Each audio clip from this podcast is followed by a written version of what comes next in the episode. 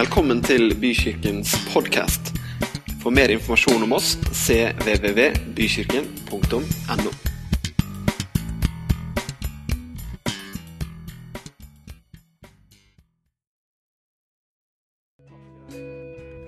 Herre, vi takker deg for at løftene står fast.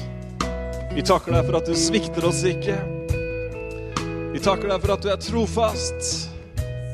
Vi takker deg for at du vil oss det beste, og du ønsker å nå inn i livene våre med de sannhetene som gir frelse. Vi ærer og vi takker ditt navn, Herre. Amen. Amen. Vær så god og sett dere ned. Da er det en glede å få eh, snart ønske Daniel eh, velkommen opp her. Som jeg sa i stad, så er Daniel fra Salt Bergenskirken. Og vi har jo hatt besøk av både Øystein og Gina flere ganger. Og han er en del av pastorteamet der sammen med noen andre. Og det de gjør der, det er til stor inspirasjon for oss på, på, mange felt. En voksende menighet som planter nye fellesskap, og som stadig når nye mennesker. Og de gjør det ikke bare i Bergen, men de gjør det i India også, i misjonsarbeidet. Og det kommer dere til å få høre mer om. Så takk for at du ville komme til oss, eh, Daniel. Vær så god.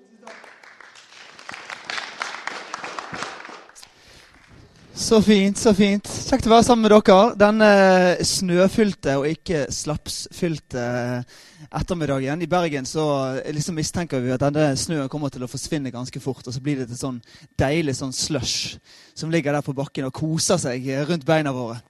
32 år, det gjettet en av jentene her. Spurte, hun spurte hvor gammel hun var, så gjettet jeg feil. Og så gjettet hun rett på hvor gammel jeg er. Eh, trebarnsfar eh. Termin er 8. februar, så jeg er her med litt sånn eh, gambling-instinkt. Satser på at det ikke er en eh, dame der hjemme som føder alene i dag. Det var fint i titiden, så hvis det, en, eh, hvis det begynner å dirre noe voldsomt der, så er det altså fødsel på gang i Bergen. Kanskje. Vi har to barn. De er første- og andreklassinger. eh, Og en siste da som er på vei nå ganske snart. Får lov å bo i Bergen, det er fint. Flyttet til eh, Os, litt sør for Bergen. Der ryktes det at det er 30 flere soldager. Eh, De har ikke vi sett noen ting av enda. Eh, Men de kommer vel litt sånn etter hvert. Eh, Der har vi vært med å plante en ny forsamling. Eh, Det, er kjempespennende å være med på det. En bydel som kommer til å vokse mer og mer de neste årene som kommer. Og vi har bosatt oss der, meg og min familie. Og så er vi en gruppe familier, og flere har kommet til. Så denne november så feiret vi med med bløtkake og med ballonger og full fres at nå har vi bygget opp stein på stein i eh, to års periode. Og nå er det en forsamling der, og det er 40-50 voksne og 20-30 barn som er der om søndagen. Det er kjempekjekt å gjøre skole, sko, Os ungdomsskole om til en eh, sted for å gjøre gudstjeneste. Det er litt sånn det foregår for oss. Eh, på en søndag morgen så blir en skole til en kirke, og det er veldig gøy å være ute i, ute i bydelen med det. Og så får jeg lov å jobbe med, med misjon. og Jeg skal ha fått liksom det som stikkordet i dag. Prøve å si noe om hva misjon eh, dreier seg om, og hvordan det treffer vår kirke, og hvordan det kanskje burde treffe alle kirker å tenke på misjon. Jesus er sammen med disse disiplene ganske lenge. Han eh, bruker ganske mye tid med dem, og får også brukt litt tid med dem mellom det at han har stått opp, og Kristi himmelfartsdag, så har han noen dager der der han får lov å undervise dem mer om Guds rike. Og hva det består i. Det må jo vært en utrolig interessant at uh, alt det som foregikk da Vi skulle gjerne gjort enda mer av den undervisningen enn uh, alt det som skjedde forut for. Men disiplene de bestemmer seg for å, å, komme med litt sånn pussig spørsmål. Apostlenes gjerninger 1,6. Mens de var sammen, så spurte de han, Jesus, Herre, er tiden nå kommet da du vil gjenreise riket for Israel? Hm, ok. Har du spilt dette stigespillet noen gang? Denne, du, du triller deg eh, oppover oppover i, i systemet, og så er det rett før du er i, i mål. Dette fikk jeg erfare i julen med mine barn. Så, så er det en sånn stige som bare tar deg helt ned igjen til start. Så må du begynne helt, helt på nytt igjen. Jeg tror det er den følelsen Jesus sitter med i dette øyeblikket her. Liksom gjenreise riket for Israel.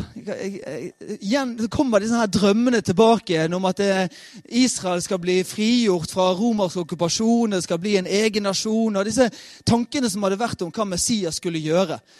Plutselig så kommer det tilbake igjen i form av spørsmålet fra disiplene. Det er nå du skal gjenreise, gjøre Israel stort igjen. Og så tipper jeg Jesus sukker litt, men han skjuler sukket sitt bak det som han svarer til de i Apostelens gjerninger 1,8, som er et vers du kanskje drar kjensel på.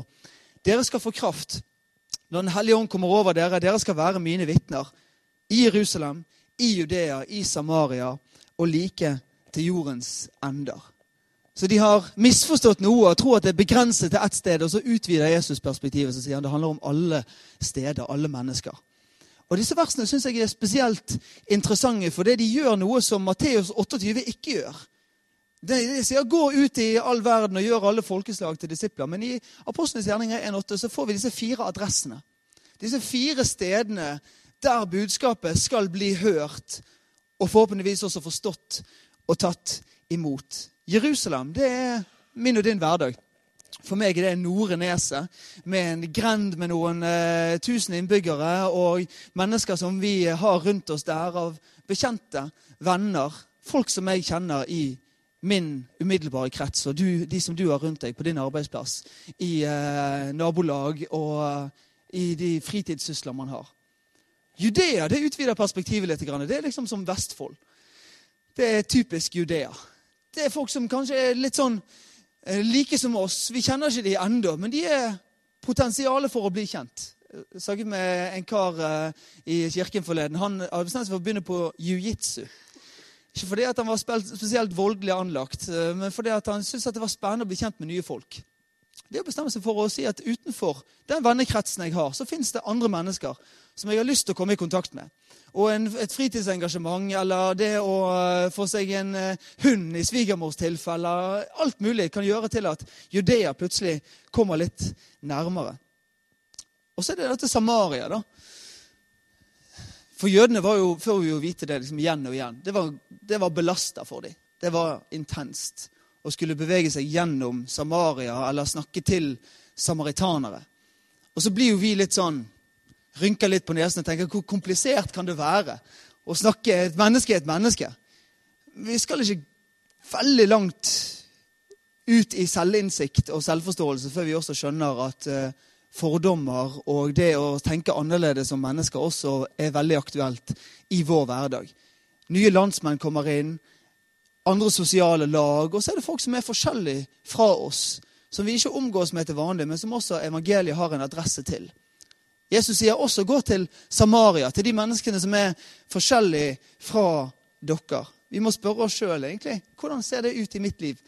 Og at det finnes en adresse for de folkene som er helt annerledes enn meg. Hvordan ser det ut for en kirke å ha møtepunkter, strekke ut en hånd til mennesker som er litt utenfor det som er den klassiske makeupen av, av eh, Salt på Os eller Bykirken her i Tønsberg?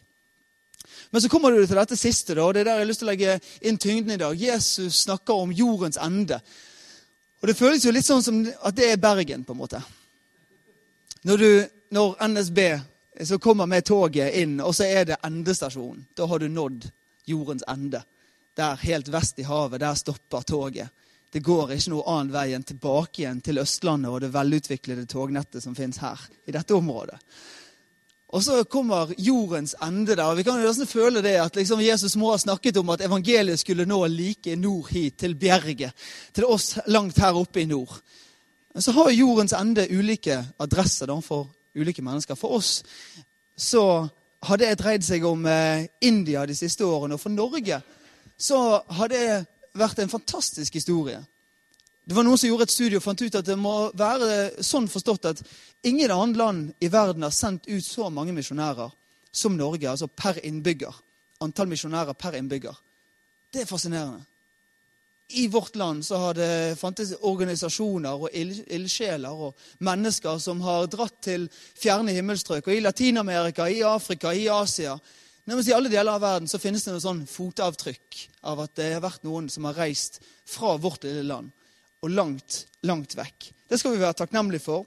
Det skal vi hedre. Men så må vi også spørre oss sjøl hvordan ser neste etappe ut? Finnes det en stafettpinneveksling, eller finnes det bare en historie å mimre over? Finnes det nye initiativer, finnes det nye menigheter og mennesker som sier at misjon er viktig, eller stopper det med liksom den glansfortellingen?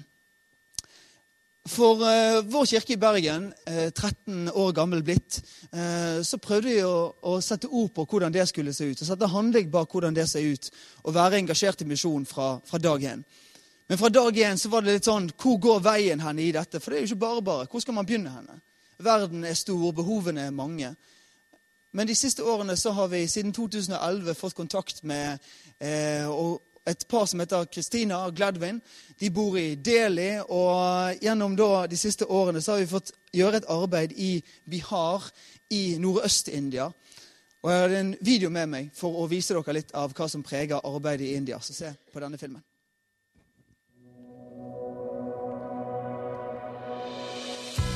I nordøst i India bor det over 300 millioner mennesker, og mange lever i svært enkle og fattige kår. Provinsen Bihar har blitt kalt misjonærenes gravlund.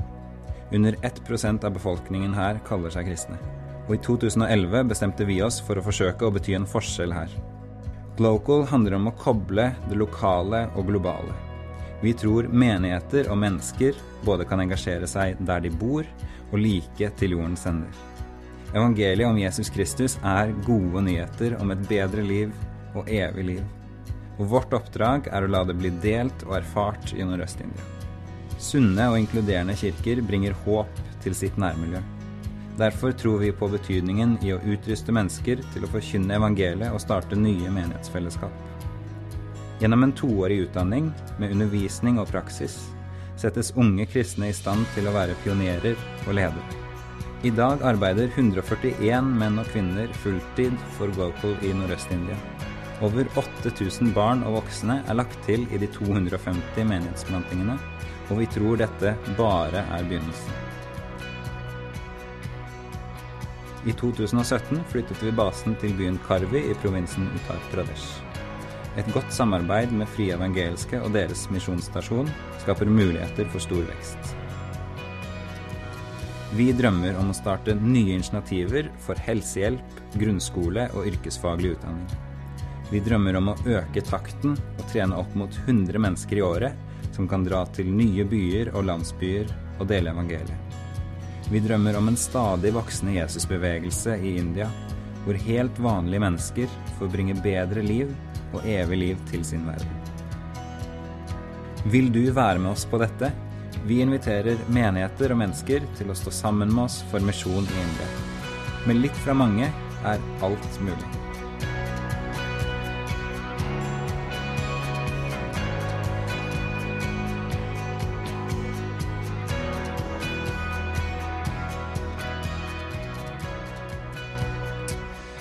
Spennende å kunne få noen eh, visuelle inntrykk også, ikke bare en bergenser som maler med ord. Så India har fått en plass i vårt hjerte. Og disse her Gladwin og Christina, eh, som var da i slutten av 40-åra når vi møtte de, har blitt eh, det paret som leder arbeidet der nede. Jeg har et bilde av de, Gladwin og Christina. Og over de siste åtte årene da, så er det nesten så vi kniper oss i armen og tenker er, det mulig at det som begynner som et enkeltinitiativ nå faktisk Denne dagen vi er samlet i dag, i Salt i Bergen, så er det noen mennesker samlet. Men fortellingen om det som foregår i India, er så mye råere. Omkring 8000 mennesker går til gudstjeneste i dag.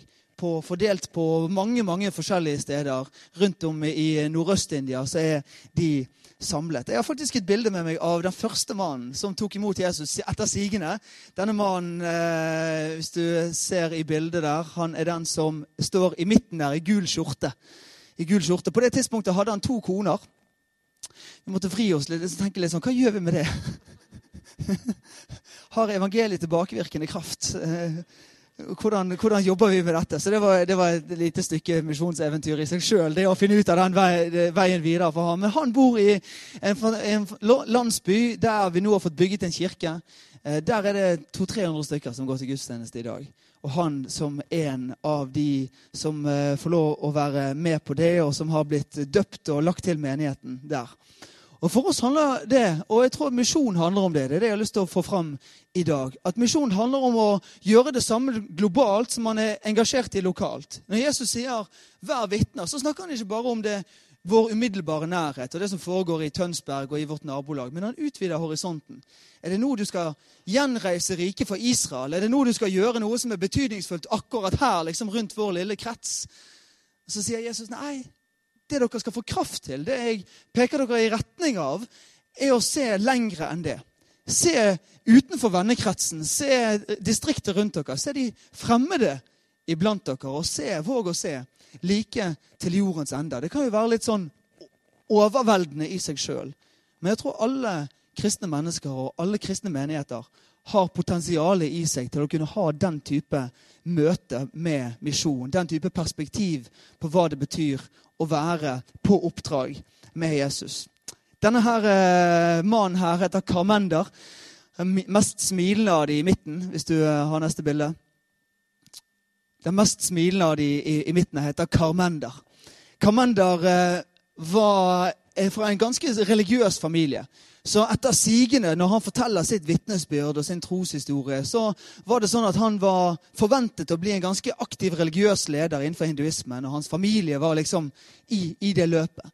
I 2014 så møter han en kristen mann. Ikke en av våre medarbeidere, men han møter en kristen mann på gaten. og Det blir til en trosreise for han og en dåpshandling på slutten av 2014. 2015 så kommer vi i kontakt med han, og han blir en del av den bibelskolen, den bibel- og ledertreningsskolen som vi gjør i ett år, som du så også litt på videoen her i sted. I ett år så lærer han og hans kone, som også blir med, eh, om grunnleggende teologi, forståelse av hva evangeliet er, et personlig gudsliv. Helt sånn grunnleggende innføring og ledertrening og en trygghet i hans liv. Nå bor de i en landsby som heter Bamhur. Og 200 stykker har kommet til tro i den landsbyen, og vi kniper oss i armen over at ting går så fort i India. Skulle det gått sånn like fort på Os?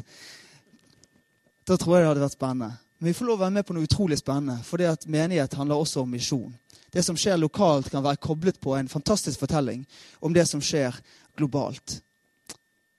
Denne jenten her heter Anjani. Det siste bildet viser dere. Men det er for å få litt nærhet, sånn at misjonen ikke blir noe for spesielt interesserte eller spesielt eh, innvidde. Men at eh, vi får kjenne litt på pulsen av hva evangeliet kan bety. Anjani hun er 14 år gammel. Eh, dette her er, Da var hun 14 år gammel, nå er hun 15. Har, hadde siden starten av sitt liv eh, lidd av en hudsykdom. Selvfølgelig har foreldre, hadde foreldre, familie prøvd alt de kunne både med legemidler og med det de på en måte hadde av tro på heksedoktorer og den slags. De hadde prøvd å hjelpe til at dette skulle bli en løsning på. Og så kommer til hennes landsby eh, så kommer da noen av våre medarbeidere. For det er litt sånn rett i kretsen rundt der vi kan komme oss med en sykkel. Så Radiusen av arbeidet er liksom sykkel, en sykkelavstand. Så hun bor i en av de landsbyene og sitter der på trappen utenfor sitt hus og hører våre medarbeidere, da evangelister, snakke med noen voksne som står over veien. og fatter interesse for det de prater om. Disse voksne mennene virker ikke å være spesielt interessert, men hun får høre noe som gjør at hun tar mot til seg, går bort og prater med denne medarbeideren, denne evangelisten, og så sier hva hun sliter med, og hva hun har slitt med hele sitt liv. Om han, hun om mulig kunne få lov å bli bedt for. De ber sammen noe begynner å skje, og evangelisten spør kan vi dra hjem til din familie. Være der og møte din familie. Og gjennom den dagen og den uken som følger, så er de på hyppige besøk der. Ber for henne gjentatte ganger. og Etter en ti dagers periode så er den hudsykdommen helt vekke. Og den familien er selvfølgelig helt snudd på hodet. De er en del av menigheten der. Anjari er frisk. Og alt det som har blitt prøvd av løsninger, og som ikke bar fram, ble på det, den dagen der hennes vei ut av en sykdomssituasjon som hadde preget livet i 14 år. Det er enda mer av at det, Guds rike demonstreres i sin kraft. Og så får man lov å dele, da. Hvor, det jeg gjør, gjør jeg ut fra vissheten om at det er Jesus som er interessert i. Og bryr seg om deg også, og hennes familie. Så evangeliet når langt, langt ut. Jeg har lyst til å prøve å bruke de neste minuttene på å si noe om hva som driver dette, og hva som gjør at menigheter og mennesker i det hele tatt bør være opptatt av misjon og strekke seg ut i oppdraget. Mine kjære, sier Johannes til de som leser hans brev, la oss elske hverandre. For kjærligheten den er fra Gud, og hver den som elsker, er født av Gud og kjenner Gud. Den som ikke elsker, den har aldri kjent Gud, for Gud han er kjærlighet. Ved dette ble Guds kjærlighet åpenbart blant oss, at Gud sendte sin enbårne sønn til verden for at vi skulle leve ved han. Dette er kjærligheten. Ikke at vi har elsket Gud, men at han har elsket oss og sendt sin sønn til soning for våre synder. Kjærligheten som drivkraft. Johannes beskriver at forut for all vår innsats og forut for all vår prestasjon og alt det vi måtte ønske å liksom legge til grunn, så finnes det en fortelling om at Gud er elsket først. Så finnes det en fortelling om at våre prestasjoner til side, så handler kjærlighet først og fremst noe mer om hva vi kan ta imot. Og deretter få være, som det var i den nydelige sangen, gjenskinn eller gjenklang. Jeg syns det var nydelige ord. Mine barn de eh, er jo da første- og andreklassinger. Og med første- og andreklassinger, som, som, var kjent sikkert for mange her i rommet også, når jeg så på den svære barneflokken, så er det jo et sånt eh, voldsomt trøkk av spørsmål som hagler hele tiden. Hvorfor det? og hva betyr det, og hvordan skal vi forstå det? det disse her eh, hvorfor-spørsmålene de tyter ut hele tiden. Jeg pleier jo å kunne svare på ganske mange av dem. Ikke det at jeg er så voldsomt briljant, men jeg er fortsatt der at jeg klarer å hjelpe med matteleksen eh, og svare på de fleste av spørsmålene. Jeg fikk et helt umulig spørsmål her forleden. Jeg vet ikke om du klarer å svare på det sjøl engang. Det, det er så grunnleggende dette spørsmålet min sønn stilte i et frustrert øyeblikk når jeg fortalte han at han ikke kunne spille Fifa fordi at vi manglet Internett. Så sier han 'Hva er Internett?' Jeg, jeg hadde ingen svar. Jeg sa det er det som gjør oss lykkelige. Jeg, skal komme tilbake igjen til deg med et bedre svar etter hvert. Men disse her hvorfor-spørsmålene kan jo være ganske kompliserte. Og dette spørsmålet hva er kjærlighet? Det kan jo bli litt sånn komplekst også. For uh, Johannes så henger han det sammen med et annet spørsmål. Og så sier han at det henger sammen med hvordan vi forstår hvem Gud er. Hvem er Gud? Han som har skapt himmel og jord, og som har skapt meg og deg, og som, som vi lærer i sangen, holder hele verden i sin hånd. Hvem er han? Når Johannes var sammen med disiplene, elleve i tallet, så var det en dag der liksom nysgjerrigheten på dette, hvem er Gud, det bare tok helt overhånd for Philip. Han liksom følte det nå, nå må, må jeg bare ha svar på dette. her. Så han spør Jesus i Johannes 14. Han sier, 'Herre, vis oss Far. Det er nok for oss.' Jesus svarer litt sånn, 'Hæ? Kjenner du meg ikke, Philip?' Enda jeg har vært hos dere så lenge. Den som har sett meg, har sett Far. Hvem er Gud? Hvordan ser han ut? Og så svarer Jesus, kan, dere kan se på meg. Se på mitt liv. Se det jeg forsøker å vise for dere, demonstrere for dere. Den som har sett meg, har sett far. Og Så er det jo mye vi kunne ha lest, men jeg å ta, ta oss med inn i én fortelling som illustrerer noe av hvem Jesus ønsker å vise at Gud er. Det står i Johannes 8, kapittel 8, og vers 2-11. Hele folkemengden de samlet seg om Jesus, og han satte seg ned og begynte å undervise. Men da kom de skriftlærde og fariseerne med en kvinne som var grepet i ekteskapsbrudd. De førte henne fram og sa, 'Mester, denne kvinnen er grepet på fersk gjerning i ekteskapsbrudd.' I loven har Moses påbudt oss å steine slike kvinner, men hva sier du? Dette sa de for å sette ham på prøve, så de kunne få noe å anklage ham for. Jesus bøyde seg ned, skrev på jorden med fingeren, og de fortsatte å spørre. Han rettet seg opp og sa, 'Den av dere som er uten synd, kan kaste den første steinen på henne.' Så bøyde han seg ned igjen og skrev på jorden. Da de hørte dette, gikk de bort, én etter én, de eldste først. Til slutt var Jesus alene igjen med denne kvinnen. Og kvinnen sto foran ham. Da rettet han seg opp og spurte kvinnene, hvor er de? Har ingen fordømt deg? Hun svarte, herre, ingen.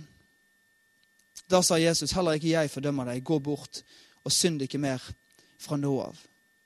Det kan være mange fortellinger, oppfatninger, om hvem Gud er. I mitt møte med nye naboer og gamle venner så er det mange, mange slags forestillinger om uh, Guds holdning til menneskene. Guds eh, innstilling til våre liv.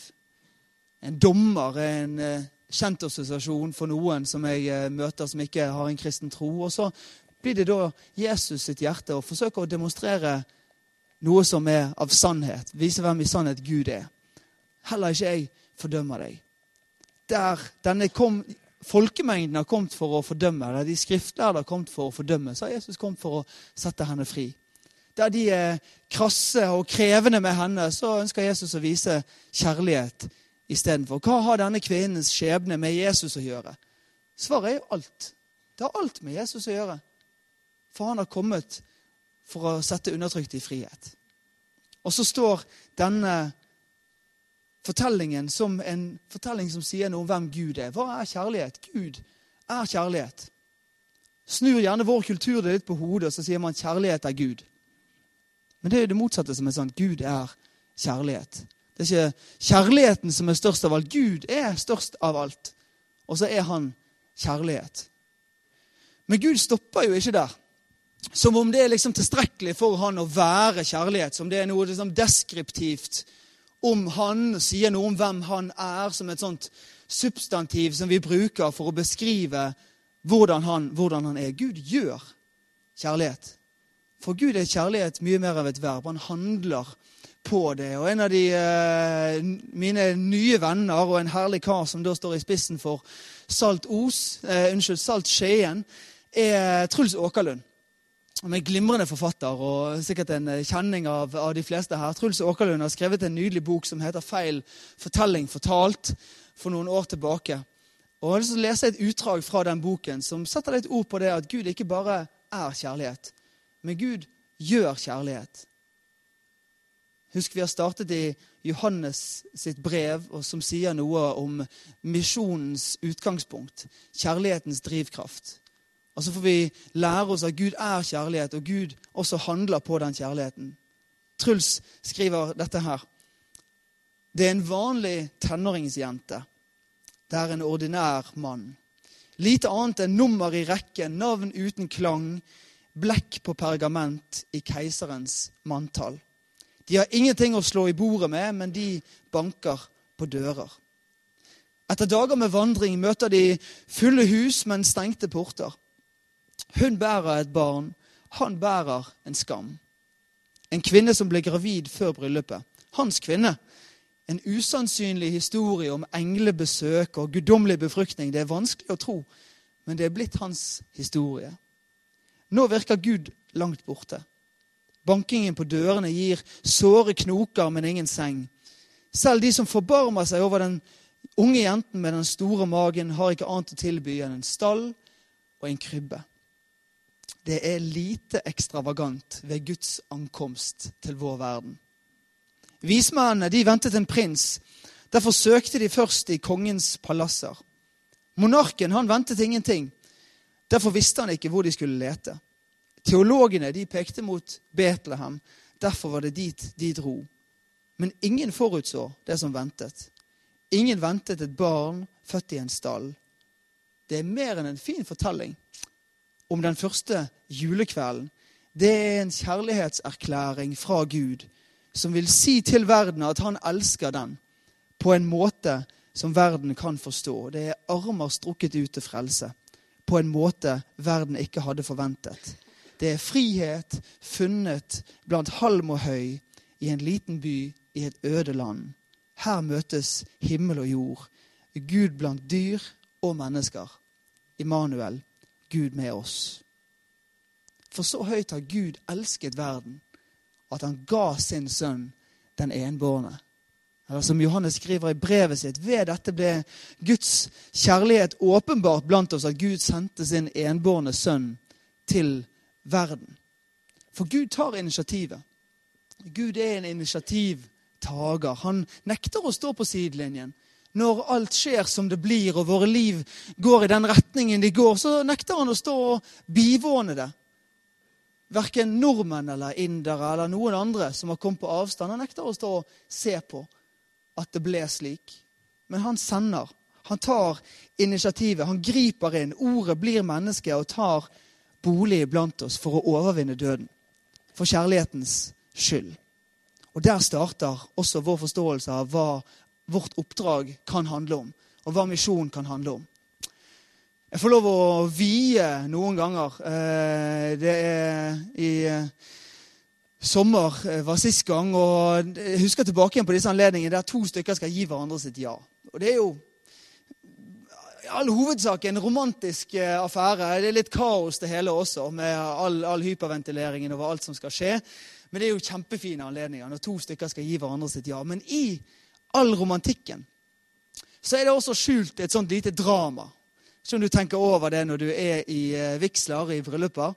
At det finnes et lite sånn potensielt drama midt inni alt dette rosa som eh, hun har laget ferdig, og som han har tredd inn i som den siste brikken i puslespillet. Det er jo mange illusjoner vi menn har, og det er kanskje den største av de alle. At vi har uh, valgt våre hustruer. Vi har blitt valgt.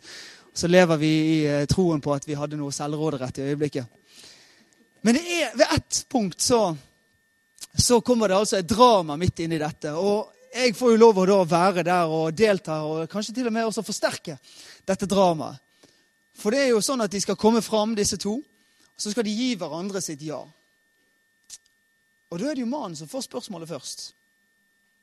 Lover du på tro og ære til døden skiller dere ad? Og så sier han sitt ja. Han har ikke tenkt over at det er veldig lenge siden han snakket, så det blir som regel et ganske spakt ja.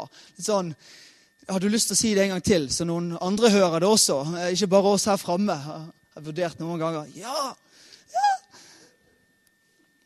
Og da starter dramaet. For nå skal det gå et antall sekunder, og jeg liker å dra det litt ut. Så jeg vier ikke så mye. For, det, for hva kommer hun til å svare? Kommer det ja-et til å bli gjengjeldt? Det kan man jo selvfølgelig anta og ha ganske sterke signaler på at kommer til å bli tilfellet. Men han vet jo egentlig ikke helt sikkert hva som kommer til å skje de neste sekundene idet han skal pine seg gjennom at presten snakte, sakte også framfører til henne om hun også er villig til å ta han som ved hennes side står. Sann kjærlighet den kan ikke bestilles. Den kan ikke kjøpes, den kan ikke tas med makt. Kjærlighet er frivillig. Kjærlighet involverer risiko. Kjærlighet involverer potensialet for avvisning. Mens vi enda var syndere, viste Gud sin kjærlighet til oss ved at Kristus døde for oss. Mens vi ennå ikke hadde sagt ja. Det er ganske intenst å tenke på. Som en som står der og sier ja, og kanskje har en mer intens usikkerhet i seg om det ja-et kommer til å bli gjengjeldt, så sender Gud sin sønn til vår verden før vi har beveget oss i retning av han, og har gått hele veien oss i møte. Hvorfor risikere alt det? Hvorfor velge å gjøre seg sjøl så sårbar, hvis du kan være med på et sånt type språk om Gud? Jeg vet at det er litt utenfor boksen av måten å beskrive Gud, men Gud gjør seg sårbar. Han sier at jeg er villig til å legge mitt mest dyrebare på bordet i forhåpningen om, i lengselen etter at det blir akseptert, at det blir takket ja til.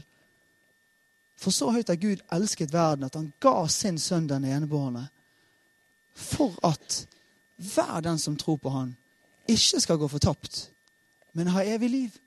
Det er det som driver han. Det er det som motiverer han. Det er det som gjør at han er villig til å risikere alt.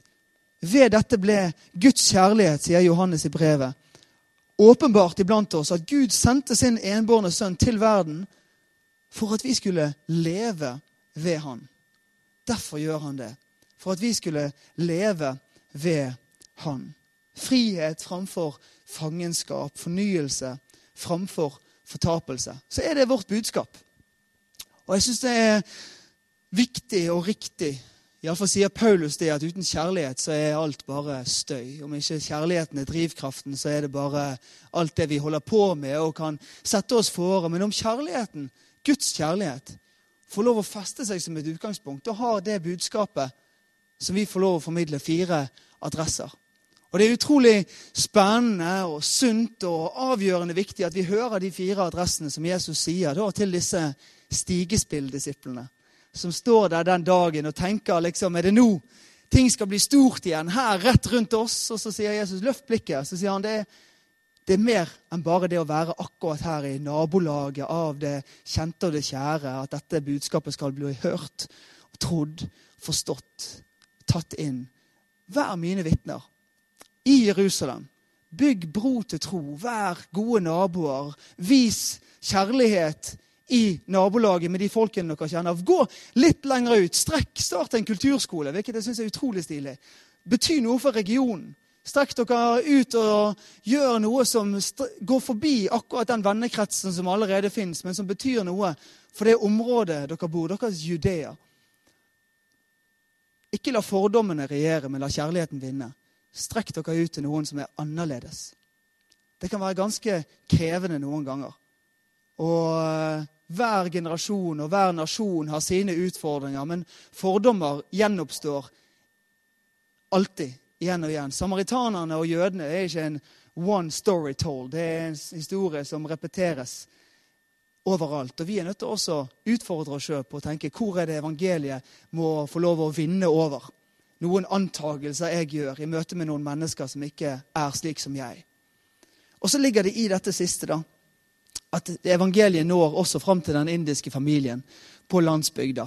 Mennesker som du eh, kanskje til og med aldri kommer til å møte her, på denne siden av evigheten.